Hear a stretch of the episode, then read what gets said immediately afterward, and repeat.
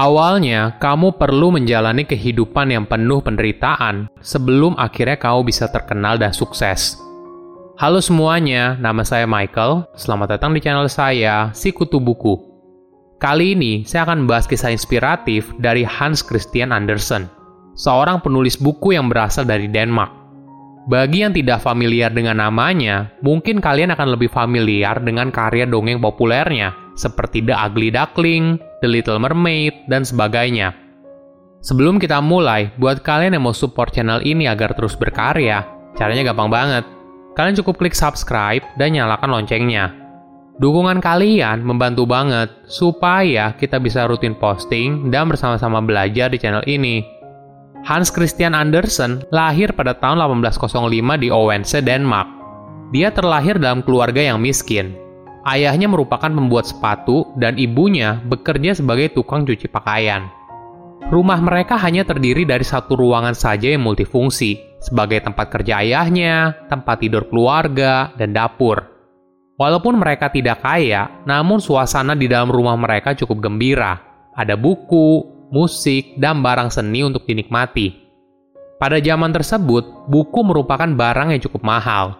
Namun kecintaan ayahnya pada literatur membuat mereka memiliki satu lemari yang penuh dengan buku. Inilah yang kemudian menggugah kecintaan Hans terhadap membaca dan kemampuan imajinasi.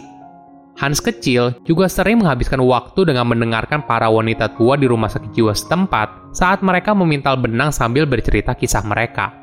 Ini merupakan tempat di mana kakeknya juga dirawat. Sejak kecil, Hans merasakan kesepian dan rasa minder yang mendalam. Perasaan ini lalu mendorong dirinya untuk mencari perlindungan di ruang pemintaan rumah sakit jiwa, sementara teman sebayanya pergi ke taman bermain. Pada tahun 1812, ayahnya mendaftar untuk menjadi anggota militer, berharap mendapatkan uang yang lebih banyak untuk keluarga mereka. Namun sayangnya, pada tahun 1816, ayahnya meninggal dunia. Kondisi ini lalu memaksa Hans untuk mulai bekerja di pabrik saat usianya baru 11 tahun.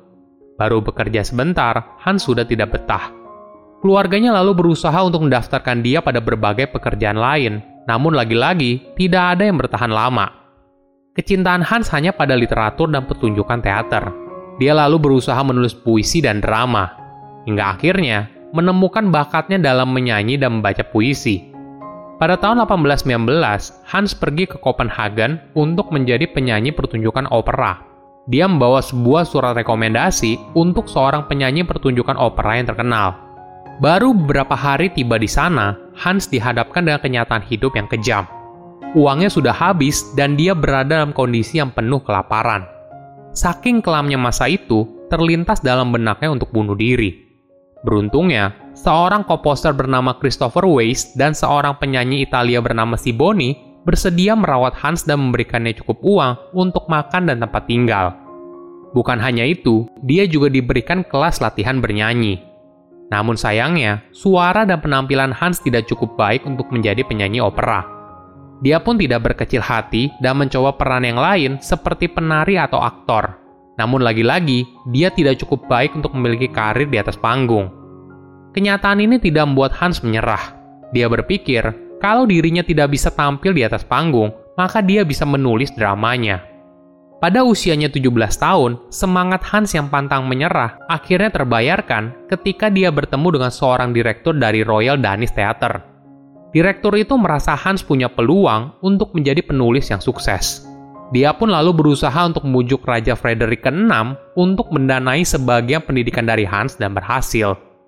Hans selalu memulai pendidikannya di salah satu sekolah terbaik pada masa itu. Walaupun begitu, dia merupakan murid dengan nilai akademis yang biasa saja. Kemungkinan karena dia menderita disleksia. Dia juga sering diejek oleh teman sekelasnya karena keinginannya untuk menjadi penulis. Ditambah lagi, Hans juga sempat tinggal di rumah kepala sekolahnya. Di sana, dia mengalami kekerasan fisik. Di kemudian hari, Hans mendeskripsikan pengalamannya di sekolah sebagai pengalaman yang paling menderita sepanjang hidupnya. Pendidikannya pun berlanjut hingga ke bangku kuliah. Di sana, Hans mulai mempublikasikan beberapa karya yang cukup sukses, mulai dari cerita pendek, cerita komedi, hingga kumpulan puisi. Pada tahun 1831, Hans memulai perjalanan ke beberapa negara di Eropa dan menuliskannya ke dalam sebuah buku. Hingga dua tahun kemudian, raja memberikan dia uang saku untuk mendanai petualangan berikutnya. Kali ini, dia menghabiskan waktu 18 bulan untuk mengunjungi beberapa negara, seperti Jerman, Swiss, Perancis, dan Italia. Sepanjang hidupnya, Hans menghabiskan hampir 15 tahun di negara lain. Pada tahun 1835, Hans menerbitkan novel pertamanya yang berjudul The Improvisatore yang berasal dari pengalaman pribadi. Novel ini merupakan kesuksesan karir pertamanya. Di tahun yang sama juga, Hans mempublikasikan kumpulan dongeng.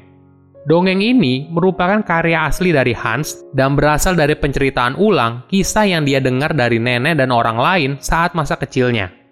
Pada awalnya, Hans tidak terlalu bangga dengan karya dongengnya.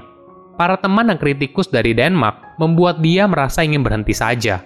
Pada akhirnya, Hans bisa berdamai dengan dirinya sendiri dan melihat sebuah karya dongeng sebagai puisi yang universal. Artinya, lahir dalam berbagai kultur budaya. Menariknya lagi, dongeng yang dibuat oleh Hans bukan hanya ditunjukkan bagi anak-anak, namun juga bagi pembaca dewasa. Karena setiap kisah memiliki makna yang berbeda bagi pembaca yang berbeda. Pada awal tahun 1840-an, Hans mulai menerima kesuksesan di mata internasional pada tahun-tahun berikutnya, dia mulai diperlakukan sebagai orang terkenal di Jerman dan Inggris. Kepopuleran Hans pun terus bersinar dan diperlakukan sebagai salah satu pilar penting di masyarakat. Menurut UNESCO, Hans merupakan salah satu 10 penulis dunia yang karyanya paling banyak dialih bahasakan. Bahkan saat ini, karyanya telah dipublikasikan ke lebih dari 125 bahasa di dunia. Namun, tidak semua karyanya diterjemahkan dengan tepat sesuai kisah aslinya. Hal ini disebabkan beberapa karya Hans cenderung sangat gelap untuk anak-anak. Jadi, diubah sedemikian rupa agar bisa dinikmati juga oleh anak-anak. Namun, perlakuan yang hangat dari dunia internasional berbeda dengan yang dialaminya di negara kelahirannya. Banyak orang di sana merasa kalau Hans tidak pantas diperlakukan seperti itu, karena latar belakangnya hanya merupakan anak dari pembuat sepatu. Pada usianya mendekati 70 tahun, pemerintah Denmark mendeklarasikan Hans sebagai kebanggaan negara. Sebagai bentuk penghargaan atas jasanya, raja kemudian membuatkan sebuah patung dirinya di King's Garden, Copenhagen. Ada fakta yang cukup menarik. Beberapa dongeng yang dibuat oleh Hans berasal dari refleksi masa kecilnya. Sebagai contoh, kisah The Ugly Duckling atau Itik Buruk Rupa adalah refleksi dari perasaannya sendiri Hans kecil sering kali diejek karena penampilannya dan suaranya yang nyaring. Kondisi ini membuat dirinya merasa terisolasi dan menyendiri. Seperti kisah The Ugly Duckling, Hans kecil kemudian bertransformasi menjadi angsa yang cantik saat dewasa.